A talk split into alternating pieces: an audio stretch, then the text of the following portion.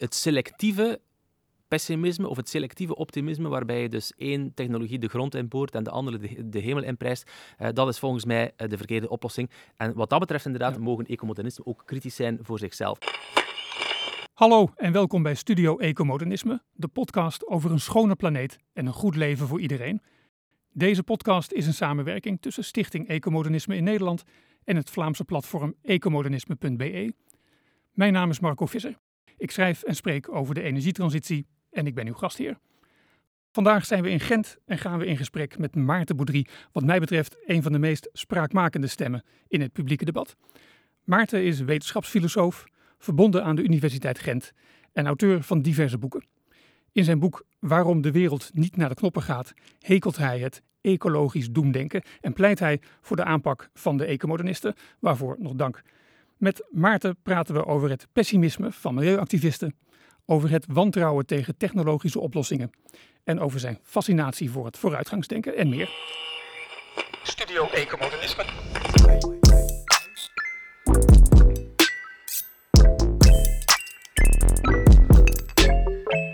Maarten Boudry, hartelijk welkom. Dankjewel. Maarten, in de afgelopen jaren heb je het opgenomen tegen lieden die je pseudo-wetenschappers noemt en anderen die volgens jou slordig denken. Je hebt je kritisch uitgelaten over de islam, net zo kritisch over islamofoben. Je neemt stelling tegen de linkse kerk, die vol zou zitten met goedmenschen en cultuurrelativisten. En nu dacht je, weet je wat, ik neem de groene beweging er ook nog wel even bij. Ja, uh, ja ik heb inderdaad uh, gedurende de afgelopen jaren veel vijanden gemaakt. Um, dus uh, ja, inderdaad. De, nu, ik, ik, ik heb eerder al wel um, ecologisten bekritiseerd. Um, ik heb wel geprobeerd in mijn boek um, om zowel te slaan en te zalven, en uh, dat zowel ter linker als ter rechterzijde te doen. Dus uh, het hoofdstuk over het klimaat, dat zal waarschijnlijk vooral ja, ergernis opwekken bij linkse, progressieve mensen. Um, maar het omgekeerde zal gelden voor het hoofdstuk over de islam. En daar val ik net de, ja, islamofobe aan, of ik, ik, vermijd die term uh, zoveel mogelijk. De, mensen die geloven in Urabia, dus dat, uh, dat we zullen uh, overrompeld worden door de islamhorde, dat er een omvolking plaatsgrijpt enzovoort.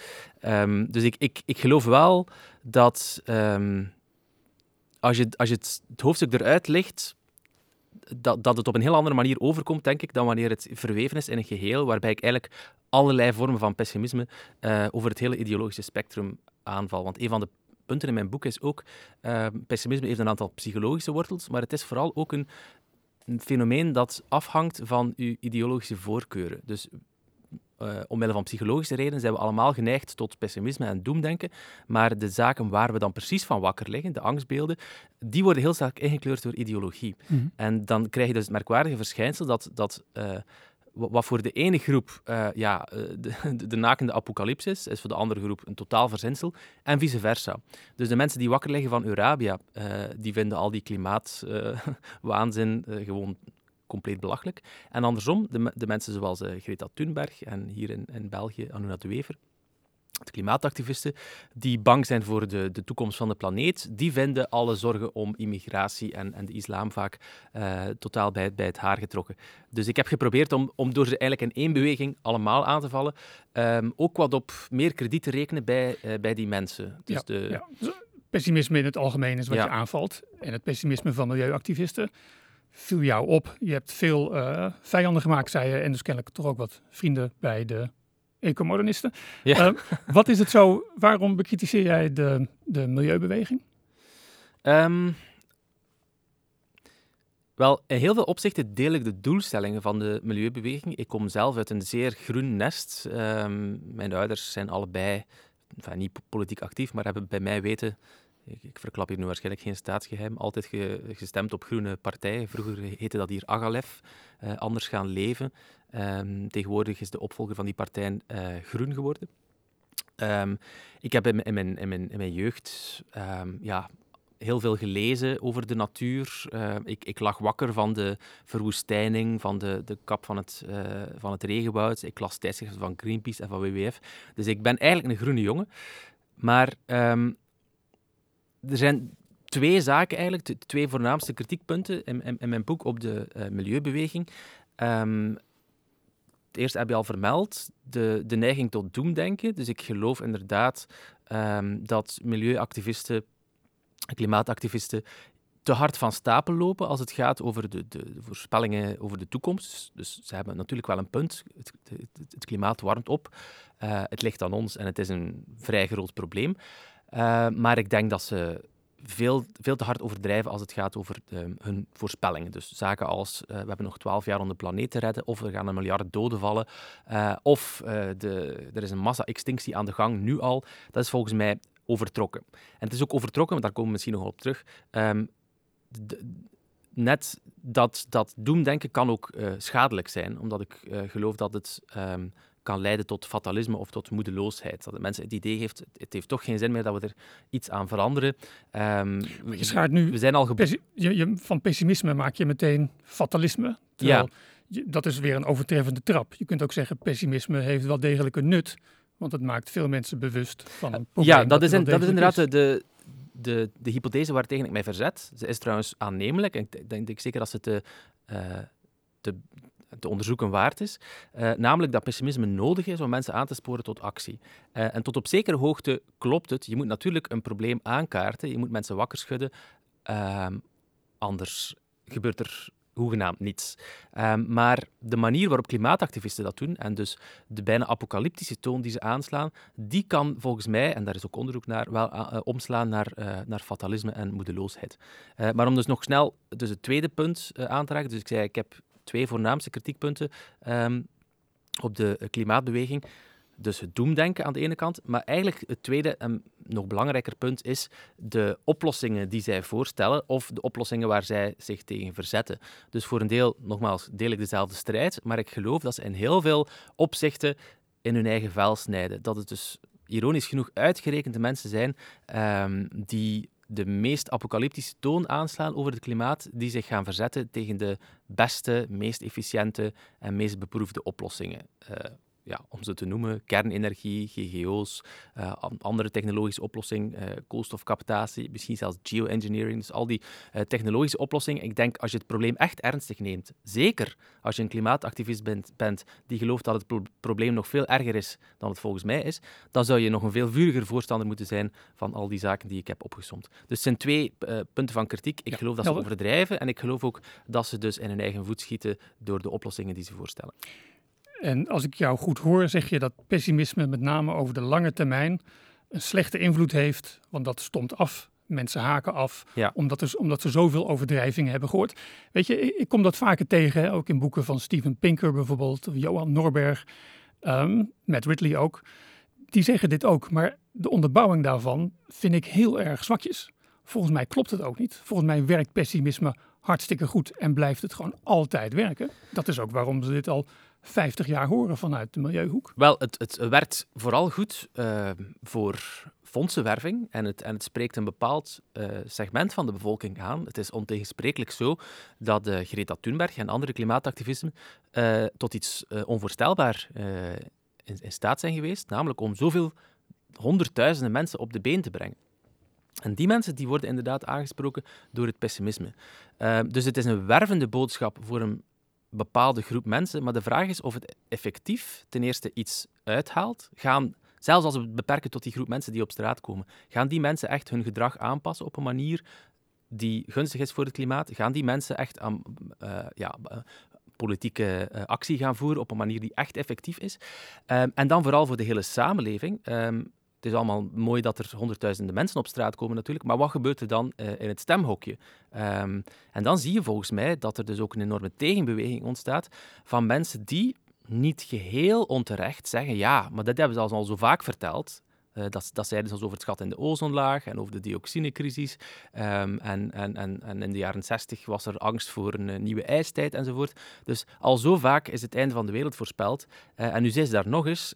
waarom zouden we ze deze keer wel gaan geloven? Denk dat je is dat, dus het, dat, het, punt, denk, denk je dat, dat, mensen dat echt steeds in hun achterhoofd houden? Eerdere voorspellingen die niet zijn uitgekomen. Oh ja, absoluut. Het is een ongelooflijk dankbaar argument voor de klimaatskeptici uh, en de klimaatontkenners. Uh, want ja, sommige mensen ontkennen gewoon echt dat, dat er een probleem is. Uh, dat er bijvoorbeeld in de jaren 60, 70 op een bepaald moment inderdaad angsten waren voor een nieuwe ijstijd. Uh, nu, ze overdrijven dat wel in die zin, dat is nooit een wetenschappelijke consensus geweest of zo. Dat was een, iets waar de media ook weer, net zoals vandaag, uh, op een bepaald moment angst over zaaiden. Er zijn covers van Time en ja, Newsweek. artikel van Newsweek, ja, ja. die heel dus, bekend dus, is. over ja. de, de, de, de, nakende ijstijd enzovoort. Uh, daar is helemaal niks van in huis gekomen. Um, vandaag is het heel moeilijk om mensen ervan te overtuigen dat het deze keer wel menens is. En het is trouwens ook echt menens deze keer. het is niet het einde van de wereld, maar het is wel een veel groter probleem.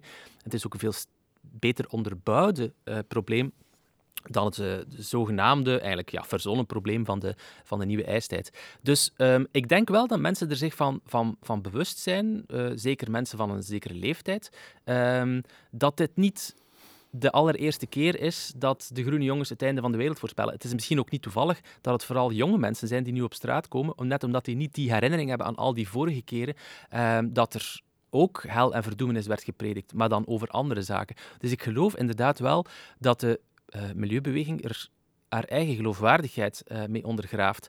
Uh, net omdat het zo verleidelijk is om telkens opnieuw het einde van de wereld te voorspellen, want het werkt tot op zekere mm -hmm. hoogte voor een kleine groep mensen. En je zal er inderdaad meer fondsen mee werven, je zal er meer aandacht mee trekken.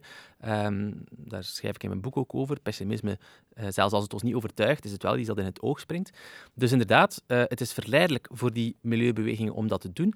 Maar tegelijkertijd werkt het ook averechts bij die grote groep mensen die je onvermijdelijk zal moeten overtuigen als je een oplossing vindt.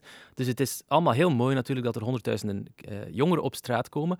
Uh, maar als, het, uh, ja, als, als er dan een tegenbeweging op gang komt, of als er gewoon een grote groep compleet onverschillig blijft, ja, dan, dan ben je nog helemaal niet thuis. Ja, en dat is wat jou betreft het nadeel van het overdrijven van problemen, dat ja. er een tegenbeweging op gang Eén van de nadelen. Er zijn eigenlijk verschillende nadelen. Dus dat het, het, het, kan, je kan, het kan je geloofwaardigheid ondergraven, er kan een tegenbeweging op gang komen en bij de mensen op wie het wel indruk maakt, kan het leiden tot fatalisme en moedeloosheid. Daar geef ik ook citaten van in mijn boek.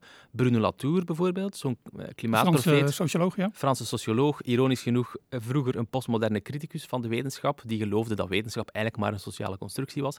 Die heeft nu plots de klimaatwetenschap ontdekt, uh, heeft eigenlijk bijna spijt en berouw getoond over zijn eerdere uh, postmoderne relativisme. En die zegt nu, um, we moeten allemaal luisteren naar de klimaatwetenschap, maar eigenlijk is het al te laat. Eigenlijk is de oorlog voorbij en we hebben verloren.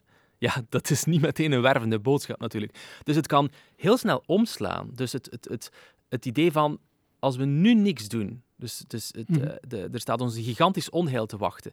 En het is vijf voor twaalf. Ik denk ook nog een van die voorbeelden van dus eerder de doemvoorspellingen, de, de, de, uh, de klok van ja, de... Ja, de Doomsday klok. Ja, ja de Doomsday klok van de Atomic, uh, wat is het weer, Atomic Scientist. Dus uh, ja, die oorspronkelijk werd bedacht omwille van de, de dreiging van een kernoorlog, maar die toen dat gevaar week ook werd gebruikt voor zure regen en het gat in de ozonlaag en nu ook klimaatopwarming.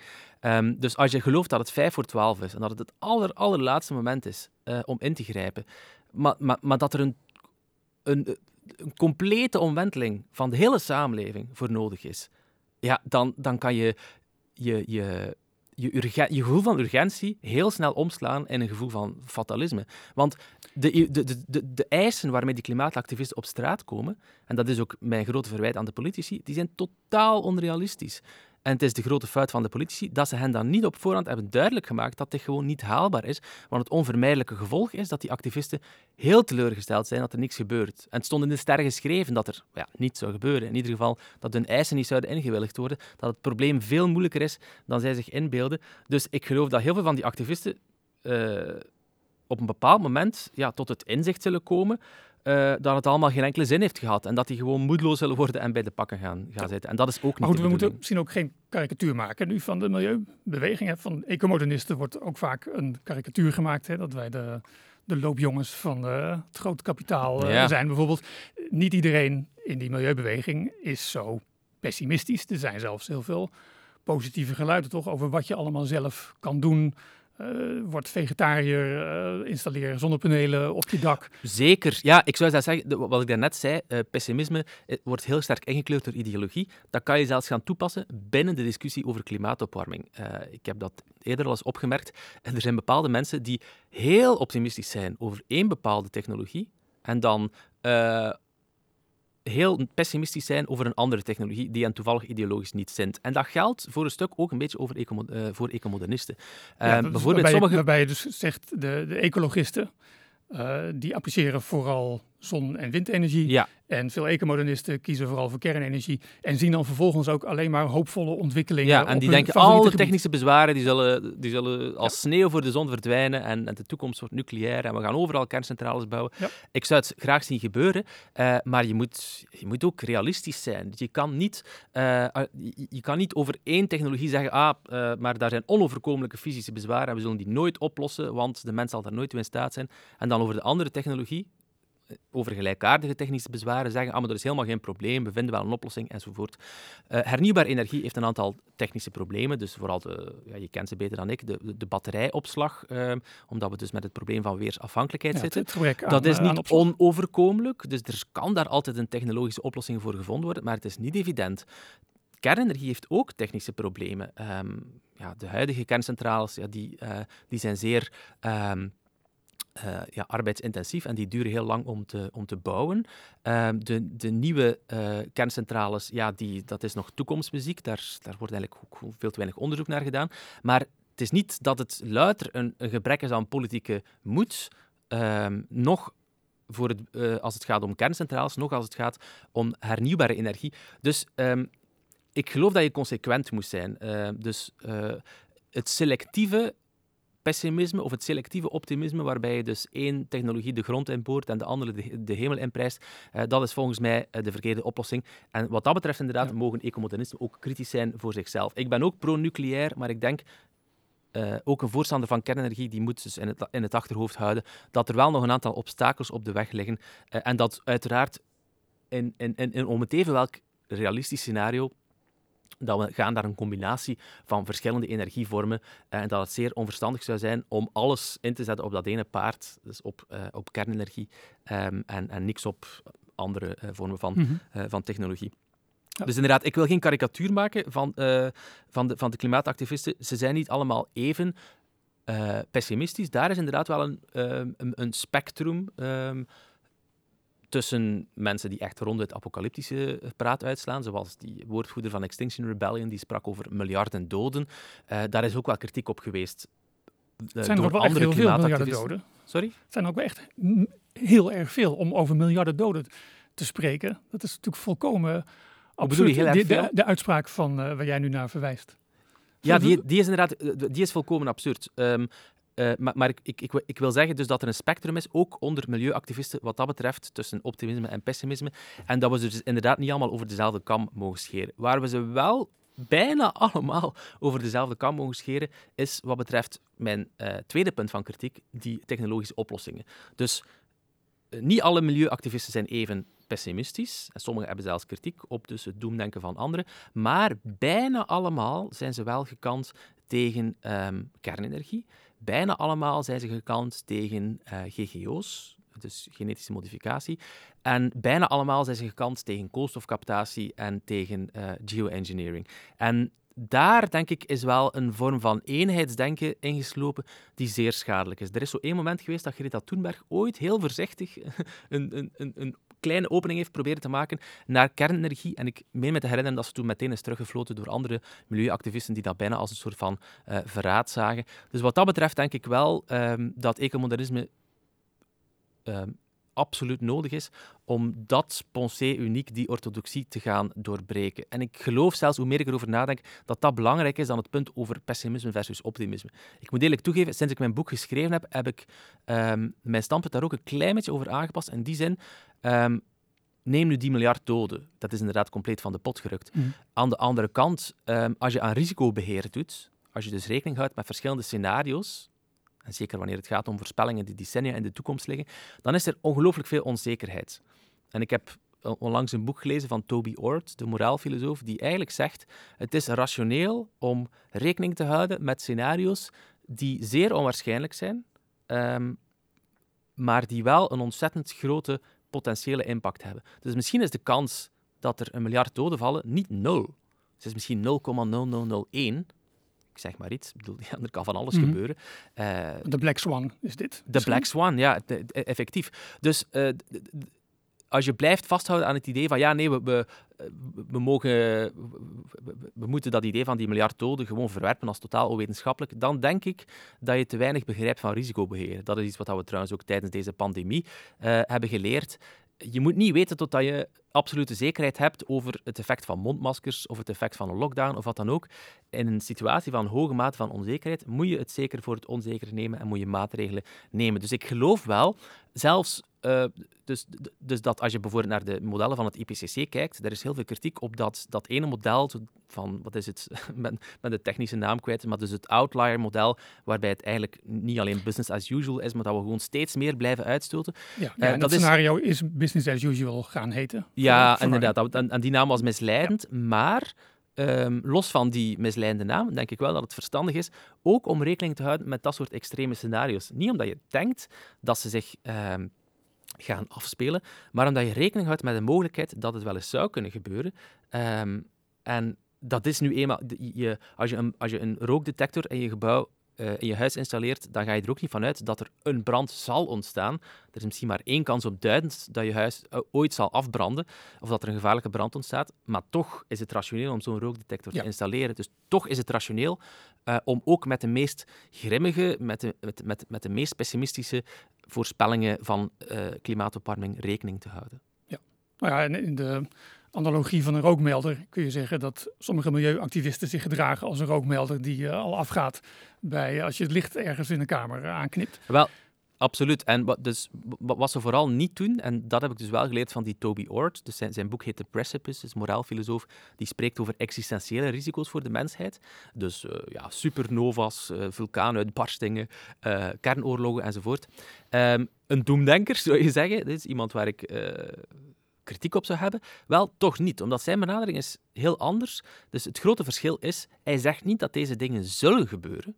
Hij maakt heel duidelijk dat de kans miniem is voor elk van die Ja. mogelijke scenario's. Je moet er rekening mee Je moet houden. er En- rekening mee houden. Dus ja, als klimaatactivisten zouden zeggen, kijk, niet er zullen een miljard doden vallen, maar het is niet uitgesloten dat er een scenario is waarbij het echt helemaal fout loopt en er misschien zelfs een miljard doden vallen, dan ben ik wel bereid om te, om te, gaan, eh, te gaan luisteren. Het, het is, het- dus het, het idee van het is vijf voor twaalf, we hebben nog vijf minuten om in te grijpen en, da- en dan gaat de wereld naar de knoppen, ehm, dat is, dat is volgens mij fout. En dat Ja. is dus vals alarm slaan. Maar zeggen, het zou wel eens kunnen dat het 5 voor 12 is en we kunnen maar beter het zekere voor het onzeker nemen, dat is volgens Ja. mij Maar veel dat geldt ook rationeler. voor de coronapandemie uiteindelijk. Eh, als we nou daar een beetje op waren voorbereid, dan had het nooit zover hoeven komen. Ja, inderdaad. Eh, dat is trouwens ook een van de scenario's die eh, Toby Ord bespreekt in zijn boek, dus pandemieën. Ehm, nog veel ergere pandemieën dan wat we vandaag meemaken, want eh, zoals hij existentiële risico's definieert, gaat het eigenlijk over ehm, ja, scenario's waarbij 95% van de, eh, van de totale wereldbevolking wordt uitgemoord of dus sterft. Ehm, dus we weten al langer dat er dat er gevaarlijke pandemieën kunnen ontstaan. Ehm, Bill Gates staat er nu tegenwoordig voor bekend dat hij de man is die eh, in 2015 dus eh, deze, deze pandemie, niet letterlijk heeft voorspeld, maar wel dus mm, op een vrij accurate wijze heeft weergegeven wat er, eh, wat er gevaarlijk is aan, aan mogelijke virale uitbraken. Dus gevaar van zoonose, virussen die overspringen van dieren op mensen. En daar waren we te weinig op voorbereid, inderdaad. Voor hetzelfde geld ehm, was die pandemie nooit uitgebroken. Het is eigenlijk een genetische loterij. het, is, het is een, puur toevallig. De kans is zeer klein in elk gegeven jaar dat er een virus ont- ontstaat met net die eigenschappen, dus asymptomatische verspreiding, relatief hoge mortaliteit, dat dus eh, de hele wereldeconomie kan ontwrichten en dat voor potentieel dus miljoenen Mhm. doden kan, kan zorgen. Maar het kan, het kan gebeuren. En, en ik geloof inderdaad dus dat we te weinig rekening hebben gehouden met die mogelijkheid, met die kleine kans eh, op een groot onheil. Ik ben, ik ben wel benieuwd, Maarten, hoe jij hier tegenaan kijkt eigenlijk. Ik heb wel eens gedacht dat, kijk, er zijn mensen geweest die hebben gewaarschuwd voor een mogelijke pandemie. Ehm, maar we hebben misschien geluisterd naar andere mensen die wezen op andere gevaren. Namelijk de mensen die wezen op klimaatverandering en de gevaren daarvan. Zou het kunnen zijn dat er ook een soort uh, rat race is? Ja. Een soort opbiedwedstrijd van wie het meest grimmige scenario voor de toekomst voorspelt. Daar luisteren we naar. En ja, die andere mensen, daar, daar hebben we minder, minder oor voor. Absoluut. hoe ja, kijk, elke drukkingsgroep, elke belangengroep, elke NGO die wedijvert met andere belangengroepen om de aandacht van het publiek. Mensen kunnen niet van twintig dingen tegelijk wakker liggen. Meestal is er één iets dat dus het, ja, het collectieve bewustzijn domineert. Vandaag is dat klimaatopwarming, of de afgelopen jaren is dat klimaatopwarming geweest. Maar je ziet inderdaad dat er een oppot ontstaat, ook onder die milieugroepen, om aandacht op te eisen voor hun probleem. Uh, biodiversiteit komt Biodiversiteit bijvoorbeeld. En natuurlijk, uh, zolang, en als ze een graantje kunnen meepakken van die klimaatopwarming, als ze zeggen van ja, maar ons probleem is ook indirect een gevolg van klimaatopwarming. Dus eigenlijk, als je geeft om klimaatopwarming, dan moet je ook geven om uh, migratie bijvoorbeeld. Dat is nu een manier waar, waar, waarop ze rechtse mensen proberen te overtuigen van het gevaar van klimaatopwarming. Als we er niks aan doen, dan gaan er honderden miljoenen mensen naar Europa trekken. Nog veel meer dan vandaag. Biodiversiteit. Um, uh, ja, de, de, de, de, bosbranden die we in, in januari, we zijn zo al bijna vergeten, hebben meegemaakt. En de vraag of die al dan niet verband houden met, uh, met klimaatopwarming. Um, je kan inderdaad niet van alles tegelijk wakker liggen. Vandaar uh, moet je, ja, je moet, dan, je moet aan risicobeheer doen. Er zijn, ik bedoel, logisch gesproken kan je oneindig veel scenario's bedenken van zaken die kunnen verkeerd lopen. Dus ja, je kan, je, kan geen honderdduizend uh, verschillende uh, detectoren of rookdetectoren installeren voor honderdduizend verschillende soorten brand. dus je moet daar uit, uiteraard een selectie in maken. En ik vrees inderdaad dat er de afgelopen jaren, maar ja goed, achteraf gesproken is dat makkelijk praten, dat er te weinig aandacht is geweest voor, uh, voor pandemieën. Um, maar ja goed, dat, dat net zo goed iets anders kunnen zijn. Misschien is er ook te weinig aandacht voor uh, tsunamis of zo, dus, of, of die bosbranden. Er zijn nog andere mogelijke gevaren.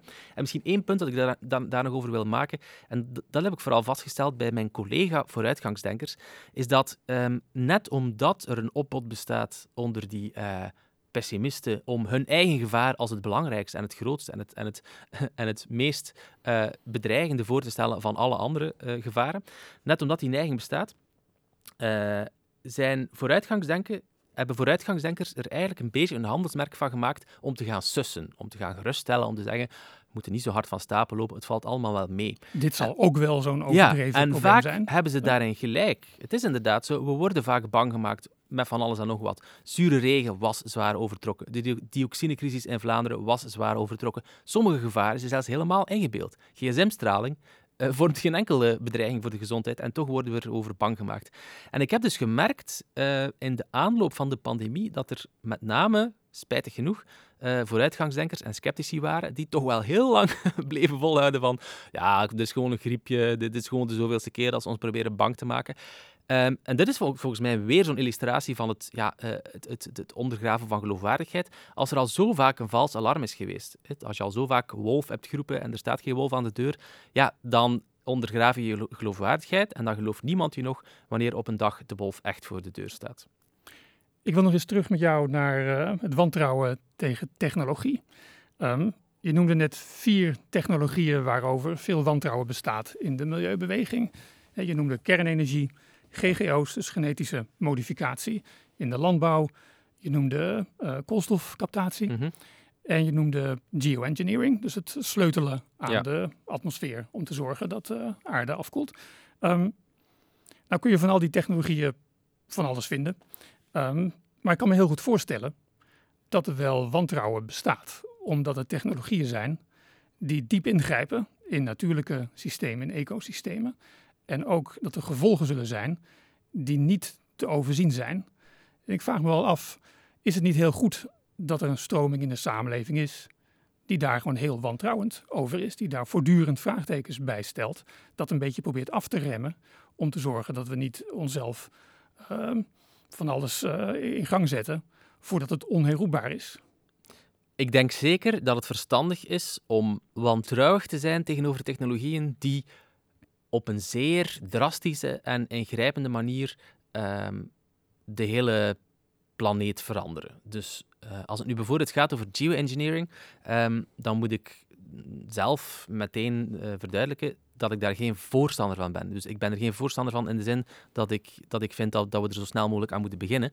Ik denk wel dat het best zou kunnen, wat dat betreft ben ik misschien zelfs wat pessimistisch, dat we naar geoengineering zullen moeten grijpen, omdat we gewoon geen andere keuze meer zullen hebben. Omdat dus de andere, meer structurele oplossingen zullen gefaald hebben. Dus ik denk, dus de intuïtie dat je niet zomaar mag ingrijpen in een complex systeem, of dat je dat alleen maar mag doen als de nood het hoogst is, die is volgens mij wel correct. En dus wat dat betreft deel ik voor een, voor een stuk wel de, de zorgen van klimaatactivisten over geoengineering. En, en, maar die andere zou, je, zou je over geoengineering dan wel zeggen, dat zullen we wel moeten onderzoeken. Wat is dan precies mogelijk? Wat ja, zeker. dus ik denk wel, we moeten het onderzoeken. Want dus intuïtief uh, lijkt het gewoon knettergek om zoiets te doen.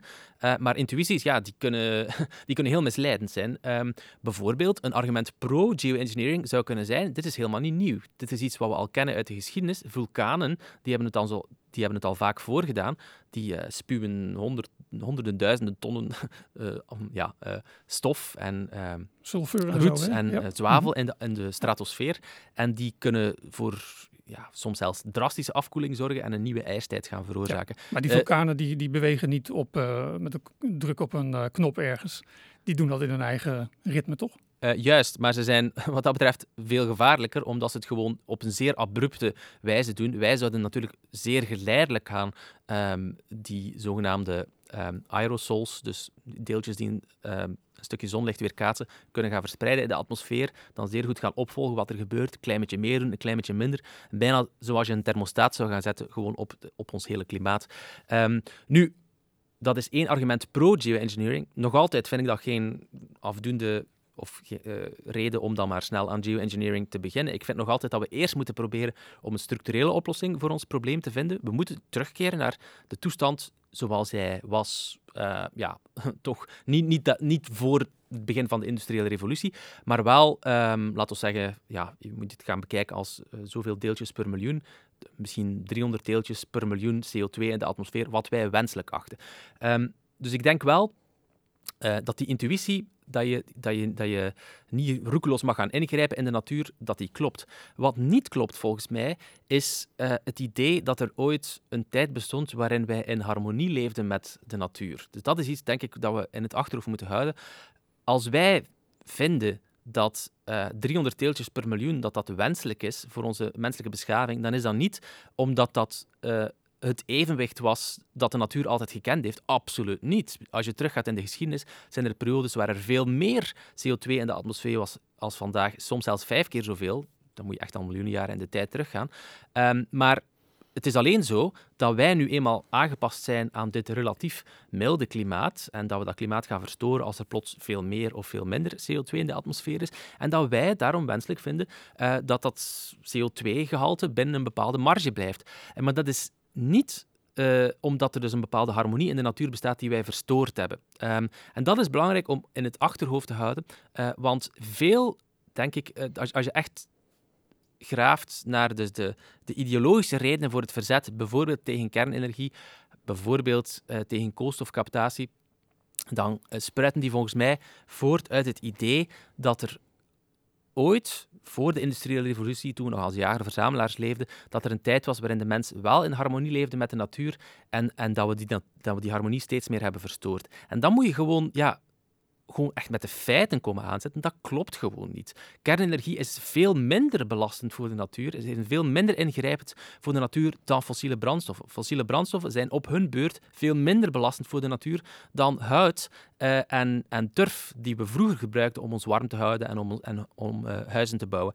Dus ik denk, als je kijkt naar de geschiedenis van de moderniteit, van de menselijke beschaving, dan zie je niet um, een geschiedenis van een steeds grotere impact op de natuur, maar een steeds kleinere impact zeker wanneer je het gaat meten naar um, uh, hoofd van de, van de bevolking, dus per capita. Ja, en even ter verduidelijking, uh, jij zegt kernenergie heeft een lager milieu-impact, omdat, het, omdat je met minder grondstoffen en ook minder afval veel meer energie ja. kunt produceren op een klein stuk land. Dat is waarschijnlijk wat jij. Ja, dus de, de, relatieve maatstaf daar is inderdaad energiedichtheid. Ja. Um, kernenergie maar, maar is het dan niet zo, Maarten, dat ik, ik hoor van de anti-kernenergie, beweging hoor ik nooit argumenten dat kernenergie niet in harmonie met de natuur is. Zij zeggen, er is afval dat we nog eh, honderdduizend jaar moeten gaan verzorgen en we weten helemaal niet hoe we dat moeten gaan doen. Ze zeggen, het is veel te duur. Uh, ze zeggen, het is onveilig. Ja. Ik hoor toch nooit argumenten over die harmonie met Nee, maar die, die zijn daar onderhuids wel aanwezig. Want uh, waarom geloven ze dat het probleem van radioactieve straling en afval dat dat zo onoverkomelijk is? Omdat ze geloven dat wij mensen dat hebben uitgevonden. Omdat ze geloven dat er in de natuur geen radioactieve straling is wat manifest onwaar is. Er is overal, hier, nu, vandaag. In ruimte wij worden bestookt door kosmische achtergrondstraling. Uh, hier in de Ardennen in België is er zo'n hotspot van um, uh, radioactief radon waarmee we bestraald mm worden. Uh, als, je een, als je een Atlantische vlucht neemt, dan word je, je krijg je een enorme dosis straling, veel hoger dan de straling waar milieuactivisten van wakker liggen. Dus daar zie je impliciet, ze gaan het niet expliciet zeggen, maar het zit er wel onderhuis aanwezig, dat ze een onderscheid maken tussen wat natuurlijk is. En wat natuurlijk is, is per definitie goed en heilzaam en onschadelijk. En aan de andere kant wat kunstmatig is en artificieel. Het bedoel, straling, van welke oorsprong ze ook is, kan schadelijk zijn of niet schadelijk zijn. Daar is een technisch onderscheid tussen ioniserende en niet-ioniserende straling. Radioactief afval, radioactieve stoffen, die hebben wij niet uitgevonden. Die bestaan, die hebben altijd en overal bestaan. Um, en als je de twee zaken dan met elkaar vergelijkt, het, het, de, de, de, de bronnen van radioactiviteit waar de mens voor verantwoordelijk is, ja, die zijn veel overzichtelijker en compacter en kleiner en veiliger dan de radioactiviteit die in de natuur terug te vinden is, want die is overal verspreid die, en, die bestookt ons van overal. Het kernafval, het, het probleem waar activisten dus vooral van wakker liggen, dat is een peanuts. Dat is, dat, is een, dat is een verwaarloosbaar probleem, precies omdat het gewoon zo overzichtelijk is. We weten precies waar het zit. We kunnen het in een veilig omhulsel steken. We kunnen het ofwel onder de grond stoppen en dan zal het ons nooit meer last bezorgen. Of we kunnen het bijhouden en later gaan gebruiken als brandstof voor nieuwe types kerncentrales. Dus je ziet, en dat geldt ook voor GGO's, ook daar is heel sterk de intuïtie van de natuur de evolutie die heeft een bepaalde manier om nieuw leven tot stand te brengen. En die is goed, die is heilzaam. Zo is het altijd gegaan. Dat is, dat is de harmonie. En wij mogen daar niet mee rommelen. Wij, wij mogen niet voor God gaan spelen. Wij mogen niet zomaar uh, met genetisch materiaal gaan, uh, gaan rotzooien. Uh, want dan, ja, dat, dat, dat is hubris. En dan, dan zal er ons een ongelooflijk onheil boven het hoofd hangen. Ook dat is complete onzin.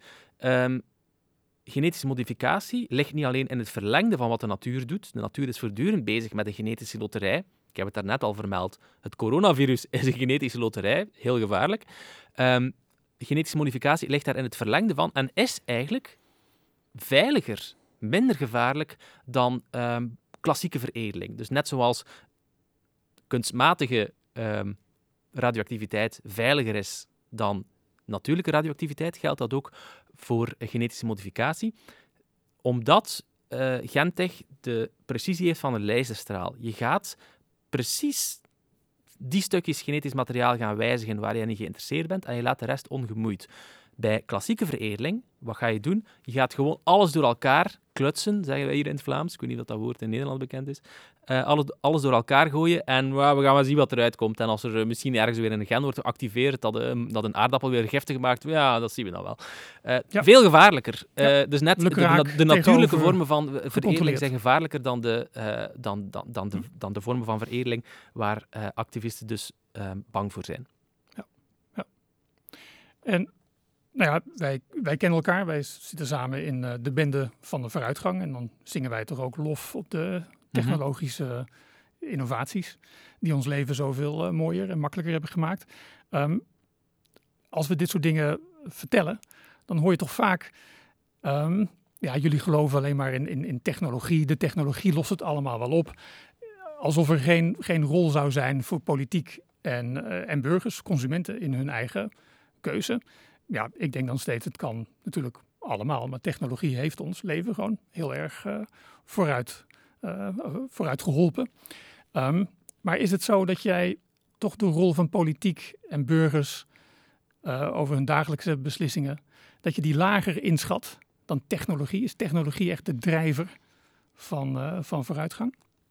Het is, het is niet de drijver van vooruitgang in het algemeen. Het ligt er allemaal aan waar, waar, je het over hebt. Als het gaat over het klimaat, dan geloof ik, als je dus een nuchtere analyse maakt van alle mogelijke oplossingen, dat technologie daar een sleutelrol zal spelen.